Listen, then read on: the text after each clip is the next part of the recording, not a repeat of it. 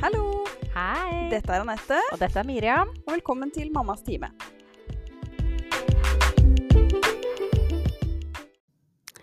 Hallo, der var vi på.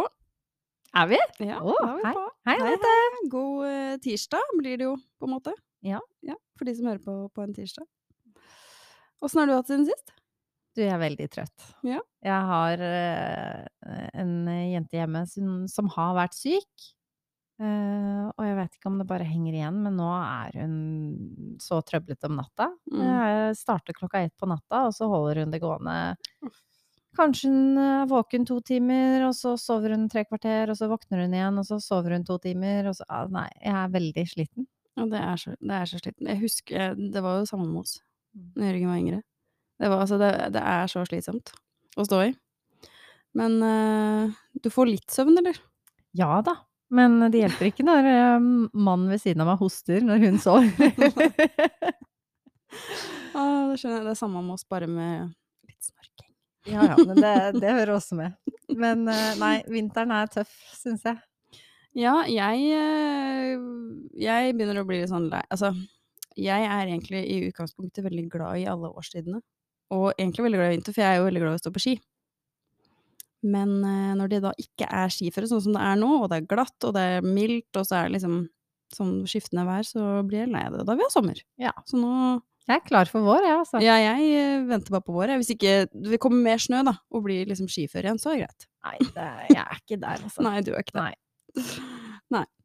Men eh, i dagens episode så skal vi på en måte ikke, fortsle, for, ikke fortsette der vi slapp, men eh, vi skal på en måte videre inn i litt mer eh, kompliserte greier. Ja. Um, vi skal jo prate først litt om induksjon, som vi kaller eller igangsettelse. At man setter i gang fødsel hvis ikke kroppen starter av seg selv. Mm. Uh, eller går i fødsel av seg selv.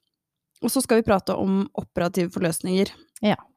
Uh, og alt som på en måte ikke innebærer eh, den normale fødselen, eller risikofødsler, skal vi jo prate om, da. Ja, Mm. hvor, Alt annet enn det eh, vi prata om forrige gang. egentlig. Ikke sant? Mm. Der hvor lege gjerne er mer til stede. Stort sett alltid, ja. ja. Mm. Så vi kan egentlig bare begynne på, eh, på eh, st eh, fra starten. Ja. At man blir eh, Satt indusert og satt i gang. Ja. Eh, og det er jo sånn at eh, 30% pluss minus settes i gang av en eller annen grunn. Um, ofte så er det overtid. Uh, at man, uh, man settes jo vanligvis i gang elleve dager over termin. Mm. Um, og så kan det være medisinske tilstander, som eksempel svangerskapsforgiftning. Kroppen uh, tåler ikke å være gravid lenger, rett og slett. Høyt blodtrykk, noe proteiner i urinen. Vi skal ikke gå så mye i detalj på det, for det er, trenger nok en hel episode. Yes. Um, man kan ha vannavgang uten rier. Mm. Så vannet går, men hvor blir det av de her greiene som skal få babyen ut? Eh, så da må man gjerne settes i gang. Eh, de kan oppdage på um, tilfeldige kontroller eller overtidskontroller at det er eh, for lite eller manglende fostervann. Mm. Og det kan eksempel være veksthemming, altså at barnet ikke vokser tilfredsstillende nok, eller man ser på ultralyd at barnet trenger å komme ut, rett og slett. At vi, vi tenker at eh, dette barnet kan ha det bedre på utsiden. Ja. Og så er det andre medisinske tilstander. Mm. Mm, men det er liksom Det, er, det er veldig Altså, nå for tida også, så er det det er veldig mange grunner til Mm. å sette i gang. mm, Eh, sånn at eh, det er Vi kan ikke gå inn på alle, tror jeg. Det, men det er sånn de, de mest vanlige, da, kanskje. De Mm. mest typiske. Ja, og så er det noe med at kanskje man helgarderer seg litt. Jeg er sikker på at det prosentantallet der kan egentlig være en del lavere. Ja, men man har ikke lyst Altså det er liv det er snakk om her. Mm, det er akkurat det. Man har ikke Risikering. lyst til å risikere at eh, noen går for langt. Nei. Ble du satt i gang? Nei, Det ble jeg ikke. Jeg eh, var liksom forberedt på, på det. Jeg Ja, var jeg veldig også. sånn eh, at når jeg gikk ut i permisjon i uke 37, så tenkte jeg sånn ok, nå er det maks fem uker igjen, og mest sannsynlig fem uker Mm, igjen. ja. Jeg eh, tenkte også Altså, jeg gikk jo bare tre dager over, Mm. og satte i gang av meg sjøl. Men, men jeg tenkte at de tre dagene var liksom De var så lange at jeg tenkte sånn Jeg kommer aldri til å komme i gang. Så jeg tenkte sånn, jeg må helt sikkert bli satt i gang. Ja, for jeg, jeg husker jo du var i 30-årslaget mitt, Yep. i uke 38 eller noe sånt. Og da var du så lei. Du var så klar. Ja. da, ja, ja, allerede. Da var jeg bare sånn Nå må det, nå må det skje noe. Nå må liksom jeg, altså, jeg orker Jeg var helt Ja. Ja. Mm. Så de tre dagene var liksom sånn Én dag føltes ut som en måned. Det var liksom Mm. Ja. Mens jeg fødte jo nesten to uker før tida. Sånn at for meg så Så du- Jeg fikk du aldri kjenne på Ikke det. lov å eh, si noe som helst om akkurat det der. Nei. Men skal jeg si noe om metodene man kan bruke, da? Ja. For å komme i gang? Ja. Um, det her er jo da metoder som vi medisinsk bruker, ikke noe du kan gjøre hjemme. Nei. Ikke sant? Det Mm. fins mange kjerringråd, men de tar vi ikke her. Uh, nei. Jeg vil bare si at de kjerringråda eh, Man kan jo på en måte tenke at det funker, fordi at 'å ja, men riene starta'. Altså, jeg gikk en bratt bakke eh, noen timer før jeg begynte å få rier. Men eh, mest sannsynligvis er det ikke det som starta det. Jeg, altså, jeg tror egentlig ikke på det. Nei. Nei. Det var tilfeldig. Det var tilfeldig. Ja.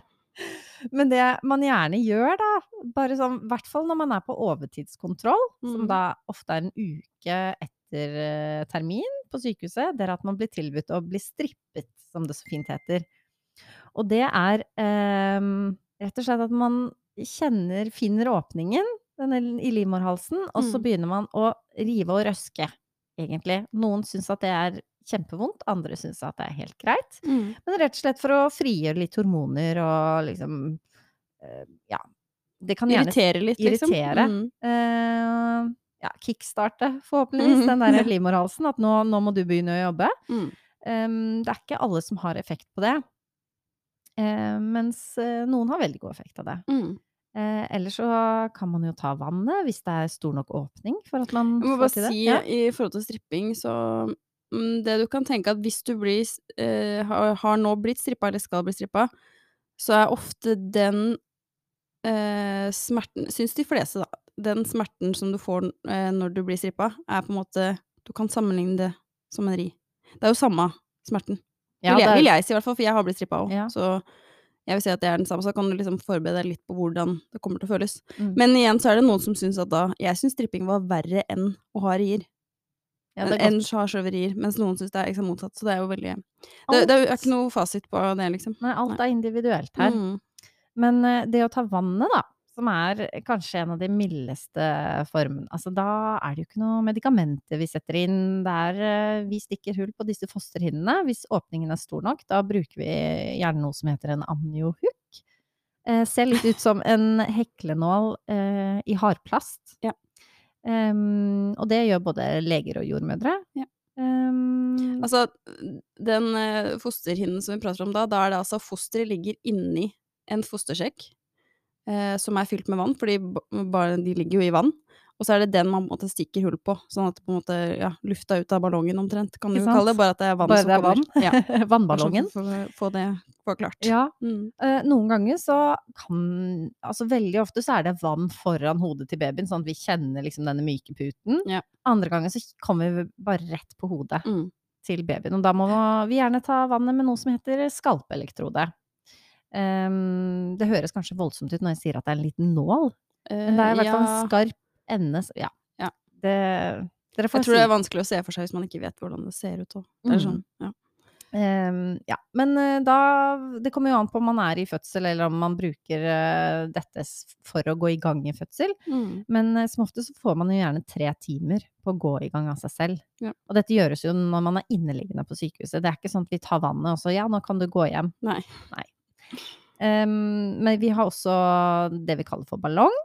Mm. Ballongigangsettelse, som da egentlig er en sånn manuell måte å få i gang fødsel. Mm. Vi tar rett og slett et um, urinkateter. Et permanent urinkateter som man kan blåse opp en ballong for at den egentlig skal være inn i blæra. Denne blåser vi opp mellom livmorhalsen og hodet til babyen. Mm. Sånn at hodet til babyen ligger og trykker på denne ballongen og skal da manuelt liksom lage åpningen større. Og den faller jo da gjerne ut, eller etter 24 til 36 timer så tar vi den ut, og så begynner vi på neste steg. Ja, så hvis den detter ut av seg selv, så er det jo fordi at altså, den ballongen er jo blåst opp i en viss størrelse. Sånn at når den detter ut av, så betyr det at livmorhalsen på en måte har åpna seg, så det er jo et godt tegn, da, vil si at Mm. den, den har fungert. Mm. Veldig mange får jo sånn menssmurring og Mm. ganske vondt med en gang de får den inn. Um, mens andre merker ingenting til det. Nei. Nei. Men um, hvis man er kommet for uh, har for moden åpning, holdt jeg på å si, eller vannet allerede har gått, så må man jo gjerne gå over til medikamentell Mm. behandling. Og det kan jo uh, gis både oralt, altså som pille I i, munnen. i munn. Man kan sette noen piller vaginalt, eller sånn vaginal innlegg som kan frigjøre, eh, frigjøre eh, litt eh, medikament over lengre tid. Mm. Eller man kan gå for den intravenøse løsningen. Ja. Eh, så siden vi bare toucher litt innom her nå, så går jeg ikke inn på hver enkelt. Men Nei, det her nei, nei. er, jo da de vanligste metodene for å Mm. sette i gang fødsel, og rekkefølgen på disse tingene varierer fra sykehus til sykehus. Mm. Um, Du, altså, eh, det skal sies at um, det kan fortsatt ta altså, to, to dager før man er i det hele tatt i gang i fødsel, fra man kommer inn og er satt i gang. Sånn at jeg bare sier til de som skal bli satt i gang, vær tålmodig.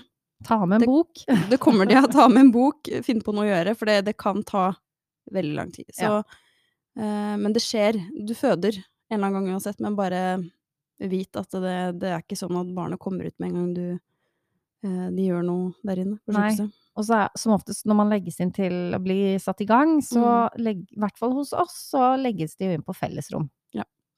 Sånn at man må regne med å dele rom med noen Yes. fram til man er i aktiv fødsel. Og man Mm. driver jo igangsettelsen helt med piller eller drypp eller hva det måtte være, fram til man er i aktiv fødsel. Mm.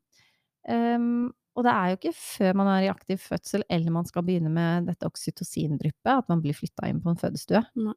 Um, så man må jo gjerne ligge en stund og vente, og det er mange vaginalundersøkelser, for vi vil jo sjekke har det skjedd noe, har det hatt noe effekt, og da Mm. bruker vi denne Bishop-scoren, som da under en vaginalundersøkelse så kjenner jordmor på uh, posisjonen til uh, livmorhalsen, om mm. åpningen er foran, midten eller bak Mm. Om hvilken etasje på en måte hodet ligger i i bekkenet, som jeg har snakket om tidligere. Mm. Konsistens på livmorhalsen. Om den er hard, myk, bløt. Ja. Eh, og lengden, altså hvor Hvis det er åpning, hvor langt eh, fingeren min blir dekket, rett og slett, av livmorhalsen. Ja.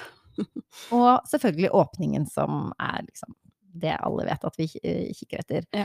Men til sammen så vil alle disse gi meg en score, da. Ja. Eh, og den forteller jo da om man går fremover eller bakover. Mm. Det- vi er, har jo snakket om det i forrige episode, at dette er subjektiv måling. Ja. Sånn at Mm. eh, om du har Jo høyere score du har, desto mer moden er du. Mm. Så noen ganger så har jo jeg skullet eh, legge inn en score der hvor jeg syns at det er en Bishop 3, og så ser jeg at forrige mann syns det var Bishop 5. Ikke sant. Og det er jo litt sånn nedtur Ja. for, for Det, damen. det blir jo Ja, jeg var ikke så langt framme som jeg trodde. Men nå, la oss si at vi har kommet til eh, aktiv fødsel. Det, Man- det har funka. å å bli satt i gang. Mm. Men det kan hende at riene ikke er så effektive. Altså, fordi når man blir satt i gang, så er det på en måte eh, Kroppen går i fødsel på en falsk måte, sånn at ting eh, um, Det er på en måte større sjanse for at det går treigt, og at ting ikke går av seg selv, sånn som det gjør når, man starter, når kroppen starter fødselen av seg selv. Sånn at det, det er mye, kanskje mye tiltak og mye vi må gjøre underveis for at det liksom skal gå den rette veien. Ja, og Mm. de tingene jeg kommer til å snakke om nå, er jo ting vi gjør på fødsler som har gått i gang av seg selv også. Ja, ja, ja. Men, det, men kanskje oftere, da, når man er indusert. Ja. Absolutt. Men det kan gå begge veier. Noen er sånn, må bare komme i gang, og så Mm. føder de som om de skulle kommet i gang av seg sjøl. Spesielt kanskje andregangs- eller flergangsfødende, som da bare trenger den kickstarten, og så Mm. bare føder de. Men det vi gjerne vil, da, det er aktivitet i fødsel og stillingsendring. Mm. Det er gull. Ikke ligge pal i sengen. Nei. Um, ja, jeg, eh, jeg var jo ikke så god der, men det gikk jo unna likevel. Ja. Men eh, Jeg var sånn, jeg, jeg sto i prekestolen lenge og bare sånn Jeg skal ha det hodet ned, ned, ned. Jeg sto liksom helt eh, Jeg, jeg nekta å ligge. Ja, ikke sant. Mm. Men all bevegelse av hofta, bare det å endre stilling, Mm. kan gjøre at bekkenet liksom flytter på seg nok til at babyen Å, der kan en annen jeg posisjon Ja, også. ikke sant? Mm. Sånn at uh, vær aktiv, og hør på jordmora når hun sier at du må bytte stilling. Ja. Uh, man kan jo ta vannet, det har vi snakka om at man gjerne gjør for å starte fødsel, men det kan Mm. man også gjøre hvis det stagnerer i Mm. fødsel. Da, eh, det er ikke alltid at denne vannblæra som hinnene som ligger eh, rundt babyen, har god nok, eh, godt nok press Nei. ned mot åpningen. Nei. Sånn at hvis man tar det, og hodet til babyen på en måte får ligge og trykke på livmorhalsen um, direkte, så vil man gjerne merke at det skjer mer, og vil frigjøres mer hormoner. Eller man må gå til eh, dette oksytocindryppet, og oksytocin er jo dette lykkehormonet mm. som man har klart å fremstille på et laboratorium, og vi kan gi intravenøst da i en veneflon i hånda di. Det er jo eh, utgangspunktet et hormon man har i kroppen Mm. seg selv. Um, og det som bidrar til å, at du føder av deg selv også. Men uh, man har også lagd eh, lagd det for at eh, hvis ikke kroppen produserer nok sjøl, eller Mm. det ikke hjelper da, på at fødselen skal Eller at riene skal bli bedre. Ja. Mm. Og noen har jo veldig rask effekt når Ja. de får Altså på første dråpa så kan de få kjemperier. Um, og vi starter på ganske lite nå. Disse tallene betyr kanskje ikke så mye for andre, men, Nei, men ikke det. ehm, det er liksom 30 milliliter i timen, det er ganske lite. Ja. Ehm, og vi kan skru det helt opp til 180 ml i timen. Så det er stor forskjell. Noen trenger den fulle dosen, og andre Mm. trenger omtrent en kvart dose, Mm. egentlig. Mm. Mm. Men eh, da Vi øker dette dryppet fram til vi har eh, tilfredsstillende rier. Mm. Og så undersøker man da litt oftere vaginalt for å sjekke at det faktisk har effekt. Ja. Mm. Em, og når vi setter i gang fødsel, så er det ikke alltid at babyen er like forberedt på det. Sånn at uh, det er liksom vi som uh, endrer miljøet før kroppen til mor og babyen er klar.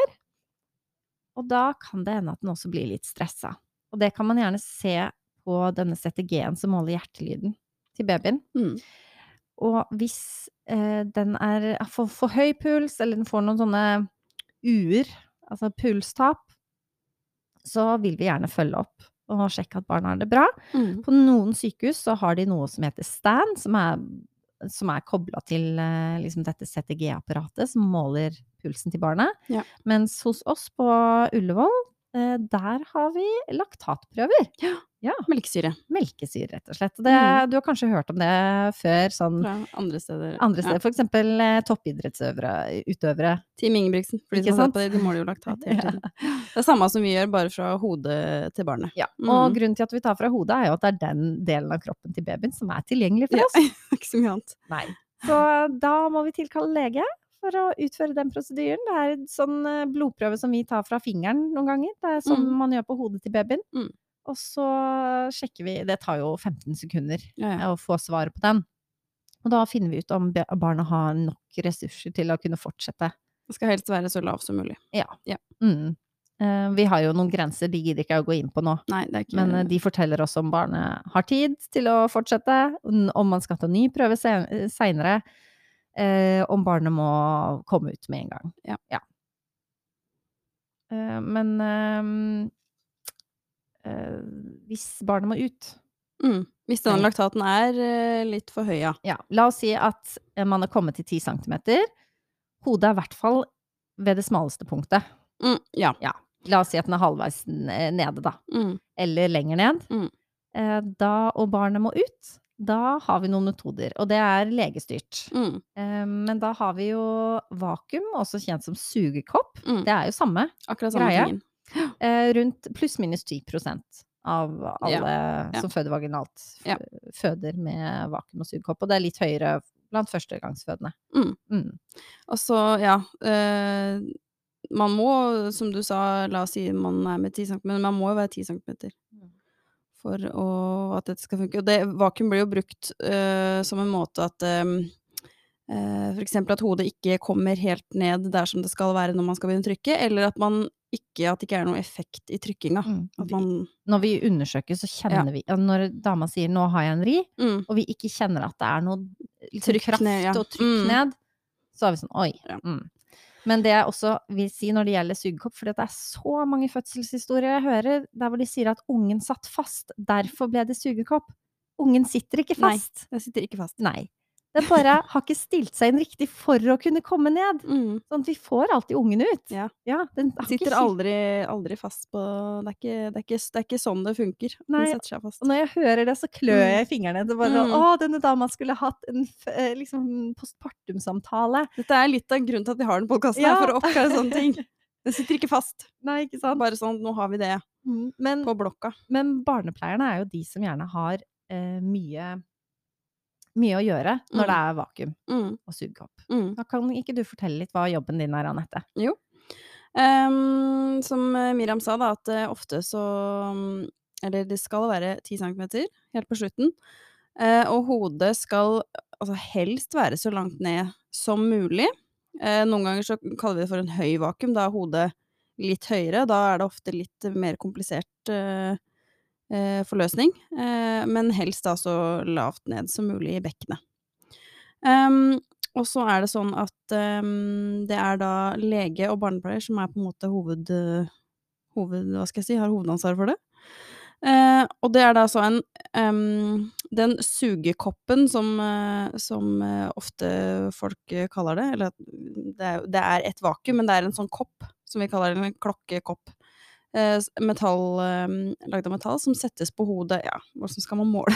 Ja, hvor finnes fins jo forskjellige Ja, det, størrelser, det er en størrelse som heter fem og seks, men det sier, sier ingen så mye, liksom. eh, tennisball? Det er litt større enn tennisball. Sånn, Ja, cirka om kretsen på en Ja. Ja. Eh, og den settes da på hodet, plasseres på hodet til, eh, til barnet. Um, og når den er festa på eh, riktig, legen fester den på, så skrur vi da på et uh, vakuum på en uh, maskin da, som er festa til den koppen. Og det blir da vakuum mellom den koppen og hodet til barnet. Uh, som gjør da at når vi har da skrudd opp vakuum, legen justerer og forteller liksom hvor mye vakuum legen vil ha, så fester de da et håndtak på den koppen, og så drar de hver gang kvinnen har riet, da. Og kvinnen må jo trykke samtidig. Yes. Det er bare for å få drahjelp fra for, utsiden. ja, mm. eh, ja, de skal alltid da eh, trykke, og eh, man legger også alltid et eh, klipp når man eh, tar vakuum, for det krever ofte litt med den koppen på litt mer plass, og, eh, og den kan komme Hodet kan jo komme ganske fort også når man legger på vakuum. Um, eller episotomi, som vi kaller det. Hvis det er noen som har hørt det ordet, så er det det samme som å legge et klipp i perineum, altså mellomkjøttet er det jo mange som Ja, det det. Veldig mange som sier bruker det. venstre side. Ja, det er, det, det er den huden mellom um, skjedeåpningen og anus, egentlig. Vi Der. har jo hatt noen pappaer som sier Å ja, så det er det som er keisersnitt Ja. når det blir klipp. Og det er det ikke. Det er det absolutt ikke. Nei. Det er for å skape mer plass, Ja.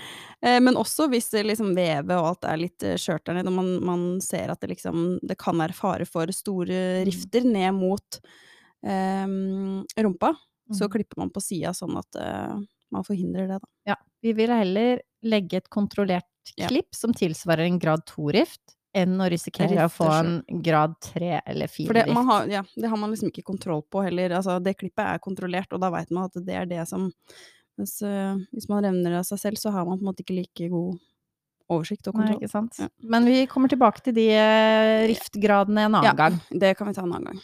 Eh, men det legges i hvert fall alltid det klippet når man legger vakuum, uansett.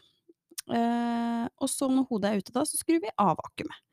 Og vi dokumenterer jo alltid antall drag, eh, og hvilken koppstørrelse, når barnet er forløst, når hodet er forløst, når vi skrur av vakuum og alt mulig sånt. Og hjelper legen med det. Og Mm. barna har da som oftest en sånn liten kalott Ja, og de har en sånn liten- en liten tutt på Ja, litt sånn, hva skal man kalle det, eh, kul på hodet, eller hva jeg Ja. si, men den forsvinner jo veldig fort. veldig fort. Mm. Og noen Det kommer litt an på hvor mange drag man da har med dette vakuumet. Det ser jo noen- verre ut jo flere drag, det gjør jo det, Ja. ofte. Og vi merker jo fort på barna om den er smertepreget eller ikke. Mm. Eh, Sånn at man kan jo få gi de smertestillende. Ja. eh, Hvis barnelegen for, forordner det. Men jeg jeg syns faktisk som oftest så klarer de seg uten, Ja. og de klarer seg Mm. uh, uten for mye smerter av det. Ja. Og det, mm, det, er, det er ikke noe farlig, det, det går som regel veldig, veldig, veldig bra. Mm. Og det er en veldig effektiv og, og fin måte å få de ut, så man slipper uh, dette keisersnittet. Og vi har jo også Det her er jo liksom den skikkelige vakuum-operative forløsningen. Eh, Er det men vi du også- skal ha? Kiwi-kopp, tenkte jeg. Det er en sånn liten plastkopp, rett og slett. Som bare pumper, i, Pumper på vakuum, Også. Og det er det derre når du trenger det, det er bare det siste lille Ja. kneppet for å Bare lite grann drag på utsiden for å hjelpe den babyen over kneika. Ofte så er det liksom at hodet skal på en måte under um, under symfysebeinet. Mm. Bare det lille dyttet der ofte kan bare Ja. hjelpe til at man klarer resten sjøl. Åh, jeg skulle så ønske at liksom jordmødre kunne gjøre ja, jeg, det der, jeg men forstår eh, ikke helt hvorfor ikke altså, det er legene som gjør det òg. Ja, men, eh, men det burde vært Jeg mener kanskje at det burde vært noe dere kan gjøre. Ja, ikke sant. Det hadde Så- vært gøy. Men, eh, Ja, det men det er også helt greit at legene tar alt med, ansvar for sånne ting. Ja. Eh, Men vi har jo funnet opp vår egen greie som heter jordmorvakuum. Og det er rett og slett at man klarer å finne eh, haka, Haka på til, barnet. på Mm. barnet bak eh, anus, egentlig. Mm. Og vippe Og så trykker vi hardt der, og da kommer gjerne det seiler liksom det hodet litt frem i åpningen der. Ja. Eh, Det er veldig seint i, i trykkefasen. Men eh, ja, vi har funnet opp vårt eget jordmorvakuum. Jeg må bare si sånn i, til, i tilleggs um, For det er veldig mange som eh, når, jeg, når jeg prater om dette eh, klippet, eh, som er livredd for det. Mm. Og alle de tinga vi forteller om nå, sånn at vi eh, vipper opp haka, eller alle de sånne småtinga her, det er ofte ting man ikke merker, Ja. må jeg si. For det, det er noen ganger Ofte så får de ikke med seg i det hele tatt hva som skjer, for du er så inni deg selv og, når du føder. Eh, men dette eh, klippet får du alltid bedøvelse først, jeg må bare si det. Mm. Du får alltid bedøvelse, eh, og så klipper det. Ofte så er mm, Altså, det er ikke ofte man kjenner det i det hele tatt uansett. Nei, jeg merka er- ingenting. Nei, ikke heller. Begge, begge ble klippet, med. Men, og jeg, jeg har jo lest også eh, både litt artikler og sånn av, av pasienthistorier, og leser i fødebrev at folk vil eh, få spørsmål om klipping. Mm. Og det eh, er jo kanskje ikke noe vi gjør. Vi sier gjerne 'du får bedø- bedøvelse nå, jeg skal legge et klipp', og så er det jo veldig få som sier nei. Altså, jeg har aldri Nei. opplevd at noen sier 'nei, det Nei, får du ikke gjøre'. Nei. Så vi er kanskje dårlige til å spørre om eh, tillatelse til å gjøre det. Ja, det, du Jeg vet ikke, det. du er med på flere fødsler enn meg. Ja, jeg, jeg, nei, jeg har aldri opplevd at noen har spurt om det. Fordi Nei. det er på en måte noe vi bare gjør fordi at det må Vi, vi legger jo aldri et klipp hvis vi ikke må. Ikke sant? Det blir jo lagt bare Mm, fordi at det, det må legges, på en måte. mm. Um, så nei, det er liksom Ja. Jeg bare tenker på det når jeg har lest noen, eh, noen fødselshistorier og artikler, så um, er det gjerne sånn De spurte meg ikke om lov. Mm. Da begynner vi på det neste som man også er inne, som er innafor liksom operativ forløsning, og det er jo også tang. Ja, Kan man også forsøke. tangforløsning, det Mm. ser jo nesten sånn Det høres egentlig veldig fælt ut. ja, Og, jeg tenkte første gang bare Det ser ikke så veldig mye bedre ut heller. Nei, det ser litt forhistorisk ut, nesten. Mm, Det, eller mm. det ser ut som noe gammelt, og hvorfor har vi fortsatt det på sykehuset? Ja, Det er det Mm, det ser ut som. Ja, og det er jo Det brukes ikke så ofte på vårt sykehus, i hvert Men jeg skal si, det var faktisk altså, Og jeg liksom På fire år så er det veldig sjeldent at jeg har vært med på tang. Men nå, i starten av det året her, altså sånn rundt nyttår omtrent, så hadde vi jeg tror det var tre eller fire tangforløsninger etter hverandre. Og da var jeg sånn Hva er det som skjer? Det, det, men det er jo noen leger da som foretrekker tang.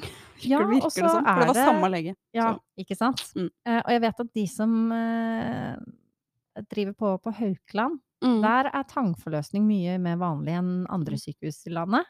Det, det skal jo sies da at um, vakuum er på en måte mer skånsomt for mor, men på en måte uh, det går mer utover barnet. Mm. Mens motsatt med tang, da. Tang går egentlig mer utover mor og mindre utover barnet. Ja, men det det kan være Altså, vi ser jo barn som det er blitt tatt med tang, det er på en måte Du ser at den har blitt klemt litt her og ja, der. de får sånn blåmerke Ja, etter stakkar. formen til tangen. ser tanga i ansiktet. ja.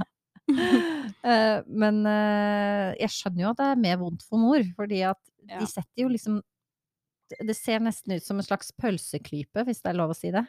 Ja. En gigantisk pølseklype som settes inn.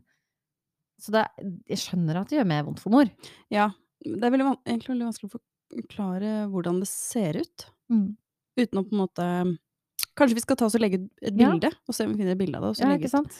Det kan For, vi å- for det er veldig vanskelig å forklare, egentlig. På Instagram-kontoen vår, Mammas time, Ja. kan vi legge ut det. ja. Eh, men det er jo, eh, som vi sa, det er færre forløsninger med det. Det er eh, ja, pluss-minus 3% i hvert fall på, på Oslo universitetssykehus. Mm. Jeg har ikke tallene for Haukeland eller andre sykehus. Men det er jo samme prinsipp som sugekopp. Altså, ungen skal ut, og den trenger drahjelp utenifra. Men det er også den eneste eh, fødselshjelpen i slutten for eh, seteleier. Ja. Um, fordi at det er ikke mulig å feste en sugekopp på Rumpa. på rumpa eller foten eller hva det måtte være. Så der er det tang som er eh, på hodet, da, Mm. vel å merke. Så kroppen altså kommet Mm. ut, og så er det på hodet til barnet. Ja. Mm. Og det er egentlig det jeg har om tang. Jeg har, ikke vært, jeg har vært med på to kjempefine tangforløsninger Mm. i min eh, jordmorkarriere. Um, så det handler nok litt om hvilken lege som uh, gjør det her. Altså, hvis, hvis du er litt sånn um, Hva skal jeg si skjør i forhold til fødsel generelt. Hvis du da som far får beskjed om at vi skal tangforløses, tror jeg kanskje det hadde vært Altså, latt være å, å se ned. For det, det kan se litt voldsomt ut. Det kan vakuum òg, men kanskje tang enda verre. Men har du vært med på mange fødsler der hvor fedre eller medmødre har lyst å se hva som skjer der nede? Faktisk. Du har det, ja? Ja. Eller det vil si, det er veldig mange som du ser at de er veldig fokusert på Mhm. liksom å stå opp ved ansiktet og ikke se ned. Men så er det akkurat som at de klarer å dy seg, så de bare liksom må kaste blikket ned der nede. Så det skjer veldig ofte at de ser, og når de egentlig sier at de har tenkt at de ikke skal se. Ja. Men, eh, men bare liksom litt sånn bare, Da hadde jeg i hvert fall, hvis du er litt skjør på sånne ting, så ikke Mm. se, for det, kan, det ser mye mer voldsomt ut enn det det kanskje er. Ja. Det gjør jo egentlig det. Ja. Men eh, en annen måte å forløse på er jo keisersnitt. Sexy. Eller Sexy, som vi kaller det. Men, Keisersnitt. eh, keisersnitt. Og de Mm. fins Vi har jo fire grader på de òg. Vi har elektivt, som betyr planlagt. Da får du en dato, du dukker opp på syke, sykehuset, og så har du mest sannsynlig ikke hatt verken rier eller vannavgang før, eh, før det her. mm. Eh, eller så har vi grad 1-snitt, som tidligere er kalt katastrofesnitt, som jeg Det kaller vi det ikke lenger. Nei. For det høres så fælt ut og grusomt ut. Men det er rett og slett at ungen skal ut umiddelbart. Så fort som mulig. Mm. Eh, og vår fødeavdeling, er, eller min fødeavdeling, er i tredje etasje, og operasjonssalen er i fjerde. Så vi er, vi er avhengig av en liten heistur. Men jeg mener at eh, raskeste keisersnittet jeg har vært med på, det er åtte minutter fra vi melder Melder snittet, ja. snittet til babyen er ute. Jeg, ja, jeg kan ikke huske noe tid på det uansett, men eh, det er jo veldig, veldig kjapt. Det er veldig kjapt. For du skal tenke på at du skal da Altså, en, og jeg mener liksom at korrido, bare korridorene på Ullevål er trangt. Sånn bare det å få senga opp kan være en utfordring. Ja. Så det da å ha trilla eh, da du har meldt snittet at det her blir et grad 1-snitt, opp på operasjon, og så skal du liksom eh, forløse det barnet og skjære opp magen, og du skal Ikke sant? Og få det barnet ut. Det åtte minutter da er Det er veldig Det er nesten rart å tenke på at det går. Ja, men alt var uh, tima tilrettelagt. de, de ventet på et annet keisersnitt, Mm. og så bare booster vi forbi og bare hei, hei, her kommer vi! ja. Så nei, det var faktisk en ganske eh, fælt å si, men kul opplevelse da, å se at, eh, at det kan gå så på skinner.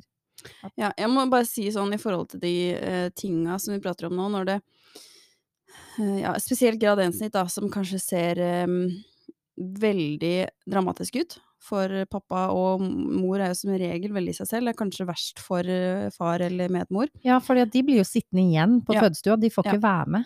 Jeg må bare si at vi har prosedyre på ting, og vi er drilla og trent på når disse tinga skjer. Så selv om det kan se veldig um, kaos ut og, og dramatisk ut, så har man alltid full kontroll. Ja. Og vi er, dette skjer altså, jeg vil ikke kanskje si daglig, men det skjer veldig ofte. Ja. Eh, sånn at eh, vi, er, vi har god øving på det, og det mm, Og vi tørrtrener jo på det her ja, òg. ja, ja. Vi har jo driller som, eh, og Mm. simuleringer eh, både i, i avdelingen Mm. og um, på simuleringssenter, der hvor vi Sånn at vi vet hvordan vi skal jobbe sammen. Ja. Både tverrfaglig og, og bare oss Mm. som jobber sammen, da.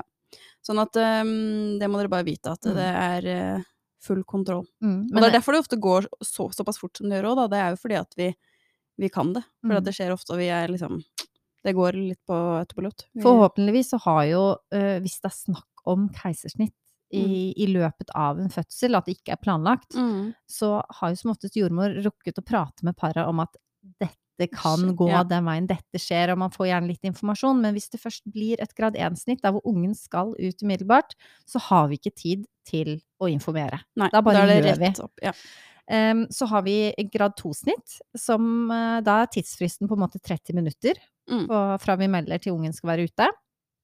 Og så har vi grad 3-snitt, som er innen åtte timer. Så det er typ sånn derre Fødselen stopper opp, vi har prøvd alt, vi har prøvd drypp, vi, sånn og sånn og sånn, vi har tatt pause, og så starta på drypp igjen, og så går det ikke, eller mor er sliten, eksempel. Mm. Så, så har vi, må vi bare vente til operasjonen er klar, og at alle som skal være med, er, er klare. Jeg kan jo også si at det, i forhold til det med vakuum, at um, det er ikke alltid at vi får det til med vakuum. Så hvis det er et mislykka vakuum, hvis vi ikke får et barn med vakuum, så er det også eh, grad 1-snitt. Mm. Eh, sånn at det er ikke Keisersnitt er på en måte det endelige, da. Det er, Mm. kan hende at vi ikke får det til med vakuum og tang, og da er Mm. neste keisersnitt, da. Og så har vi jo også situasjoner der hvor det er sånn, ok, vi kjører opp til operasjon, vi prøver sugekopp på operasjon, Mm. men jeg mistenker at det ikke går, kan eh, legen eksempel si, så Mm. da skal vi ha mulighet til å konvertere da, til keisersnitt en ja. gang. Sånn at eh, det kan man også oppleve. Mm. Og forløses eh, på, med sugekopp der oppe. Ja. Um, det er noen få forberedelser som gjør man kan være forberedt på at man kommer til å få inn et permanent kateter eh, før man kjører opp, hvis man har tid. Eh, en veneflon hvis man ikke har, og man må barberes litt. Eh, partner får være med, så Mm. lenge det ikke er dette grad 1-snittet. Og som smertelindring så er det enten påfyll av en epidural, hvis man har det, spinalbedøvelse, eller narkose hvis det er grad 1, eller man kjenner noe etter at man har fått spinal eller epidural. Em, det pleier jo å ta fra 30 til 60 minutter, hele inngrepet, Mm. egentlig. Um, ungen er ute i løpet av de første 15, gjerne 10 minuttene. Og så viser man, så lenge babyen har det bra, så viser vi den frem til foreldrene. Og så får, um, uh, paret egentlig bestemme om de har lyst til å bli med jordmor ut når hun går og steller barnet kjapt. Mm.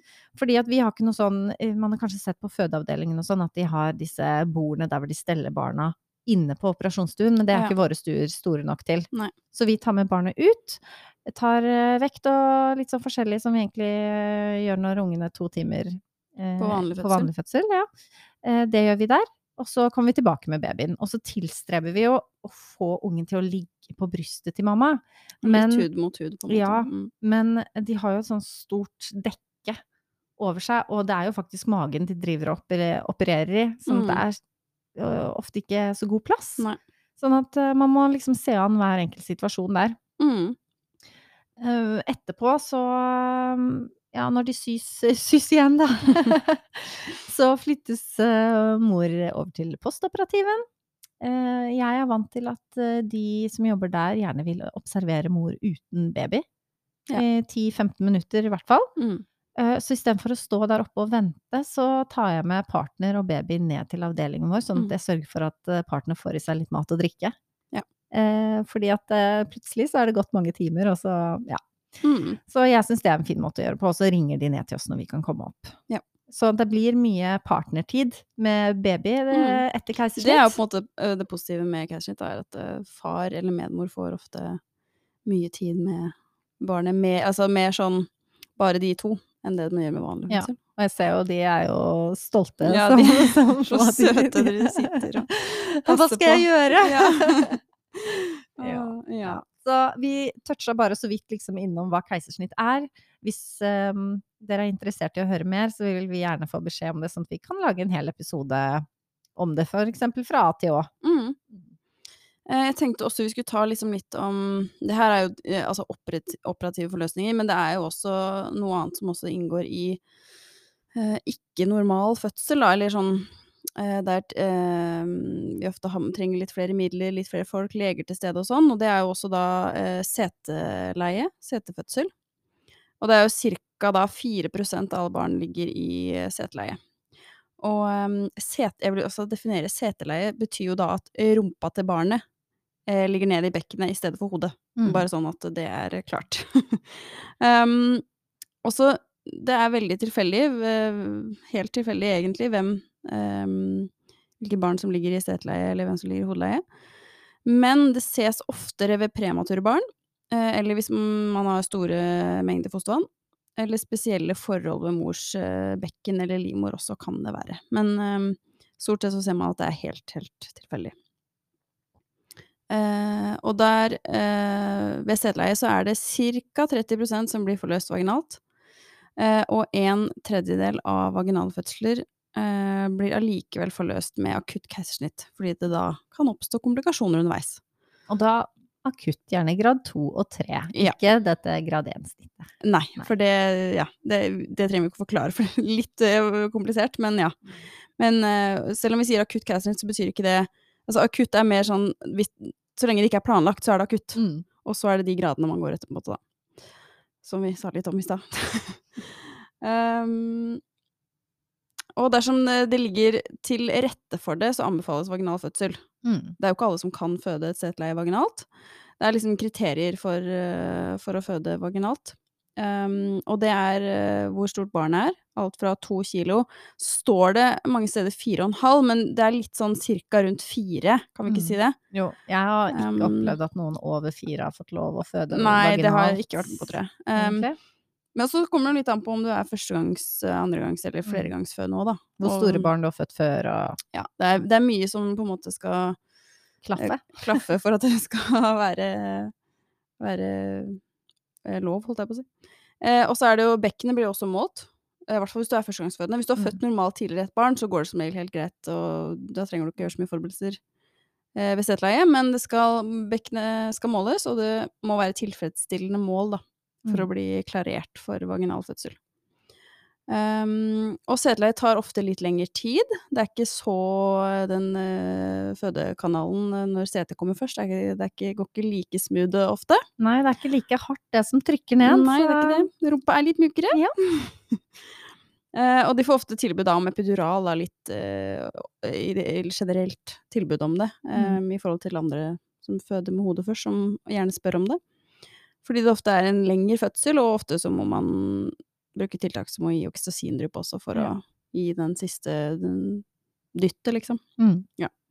Um, og så må jeg også si at betegnelser som setefødsel, det kan også være at, uh, at eh, barnet ligger med én fot, eller begge føttene, eller også knær ned i seteleie, da. Altså, Ja. Eller ned i bekkenet, mener jeg. For det er jo mange fødsler der hvor vi har Føttene kan være ute liksom fem timer før selve babyen kommer. Ja. Pakke de inn så de ikke blir kalde. Og... Mm, det er, det, jeg har sett en liten tå. Det er, det er litt sånn rart eller merkelig, for det, vi, vi kan, altså Når jeg sier at 4% så altså det er jo ikke Som sagt, da, vi har ikke setefødsler veldig ofte. Nei. Det er jo men, Og da er også, som sagt, leger til stede, da. Mm. For det er liksom litt mer Det er en, um, hva skal jeg si, risikofødsel. Ja, Ja. det er jo det. Mm. Litt større risiko. Og så er det også tvillingfødsler. Um, der er det også leger til stede, og en risikofødsel i forhold til vanlig. Eh, og det kommer jo egentlig Altså, hvordan tvillinger forløses, kommer egentlig an på eh, hvordan barna ligger. Om de Mm. ligger eh, med sete eller hode, eller på tvers, eller hvordan de ligger. Hvilken presentasjon de har. Gestasjonsalder, altså hvilken uke mor er i, og mors tilstand, da. Eh, ved tvillingfødsel så er det alltid kontinuerlig fosterovervåkning, hvor de Mm. skal følge med på begge tvillingene. Eh, og det oppstår jo oftere komplikasjoner også med tvillinger. Det er to stykker inni der som er krangler om pla plassen, ja. Mm. Mm.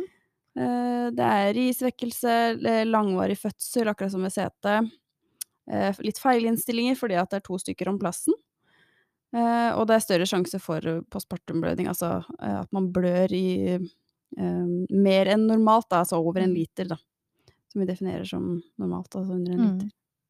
Eh, og så er det jo sånn at når tvilling 1 er forløst, så får plutselig tvilling 2 veldig stor plass. Det er bare sånn Oi sann, her kan vi bare tule rundt. Ja, det er mange fødsler jeg har måttet holde på magen for å liksom Ja. sørge for at den uh, tvilling 2 ikke fyker uh, langt av gårde. Ja, Vite hvor den er hen. Ja, for den har jo ligget på en måte De ligger jo såpass trangt der inne når de er to, at uh, når den første kommer ut, så kan den jo legge seg både sete og hode og på tvers og, og ja, alt mulig. Så det er oftere um, at det, når den først har kommet, det er da det på en måte kompliserte ofte skjer, da. Mm. For da skal man ha styr på den tvilling to. Ja, for det er jo ofte jordmor som får lov å forløse den første tvillingen Mm. hvis den kommer i hodeleie. Mm. Mm. Det er veldig gøy.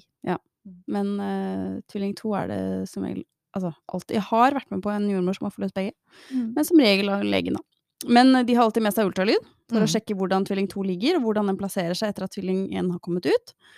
Eh, og de er også med på å holde, sånn som Miriam sa, at å holde de på en måte Hvis de ligger i et hodeleie, for eksempel, da, så er de liksom opptatt av da skal vi holde den der, og liksom hjelpe den kanskje litt mer ned i bekkenet. Mm. Um, sånn at den ikke snur seg rundt og turner inni der. Mm. Mm. Og noen ganger, så hvis, spesielt hvis de vet at det er setleie, så kan Mm. det hende at eh, legen bare går opp med hånda og finner foten og drar. Kom her! Fører den ut mot Det høres eh, grusomt ut, men, eh, men det er jo sånn. Og noen ganger så tar det lang tid mellom eh, Altså det er ikke sånn at ok, nå er den ene født, da kommer den andre i løpet av ti minutter. Vi har jo hatt tvillinger som er født på hver sin side av midnatt, så de har Mm. fått hver sin fødselsdato. Mm -hmm. det. Mm. Og da har det gjerne vært to-tre timer mellom de. Mhm. Så det, det kan skje, det. Og det er ikke alltid de kommer, kommer ikke rett etter hverandre. Um, vi, jeg tenker at da har vi dekt det meste sånn på overflaten av øh, hva skal jeg si, mer risik risikofødsler slash operative fødsler. Ja, jeg Mhm. syns jo det er mye informasjon, da. Ja, det er veldig mye. Jeg bare... ser jo her at denne episoden her blir jo en del lenger. Ja, sorry, folkens. Ja. Det er godt for deg eh, at du har klart å holde med. Ja, det, det vil jeg si. Så har vi bare Det er noen som har spurt om det med vakuum og sugekopp. eh, men det har vi jo på en måte forklart at det er det samme. Mm. Og så har jeg lyst til å ta på at vi har fått litt skryt. Ja. Ja, vi har faktisk det. Det var ei som skrev her at eh, den forrige episoden om normal fødsel. Ja. Akkurat det jeg trengte for å endre litt av skrekktankene mine rundt fødsel. Takk, takk. Det var veldig hyggelig. Jeg blir helt rørt av sånne ting, altså. Ja. altså Vi er setter er så pris på tilbakemelding, både positiv og negativ. Og Konstruktiv kritikk. Ja. kritikk. uh, ja, det er jo nettopp det som på en måte er poenget med den podkasten her. Mm. Det er å trygge. Eh, Snakke litt mer åpent rundt det. Kanskje forklare ting som ofte blir satt sånn, som eksempel det med at barnet sitter fast. At vi Mm. oppklarer litt i det. Eh, eller ting som man bare tenker at eh, folk forstår, og så gjør man kanskje ikke egentlig det. Um, for å gjøre, ja, gjøre det lettere for dere som både har født og skal føde, og har tenkt å bli gravid, og egentlig alle. Ja, og så håper jeg at denne episoden har vært mer til info enn til eh, frykt og Ja. skremsel, Mm. si. Dere er i trygge hender, altså. Ja. Mm. Men da må vi nesten si um, takke for oss for denne episoden, og takke for at du hørte på oss. Og ta kontakt med oss på Mammas time på Instagram hvis du lurer på noe eller har noen forespørsler. Eller våre private kontor også. Ja. Så er det bare å sende inn hva som helst. Mm. Ok, Ha det! ha det bra!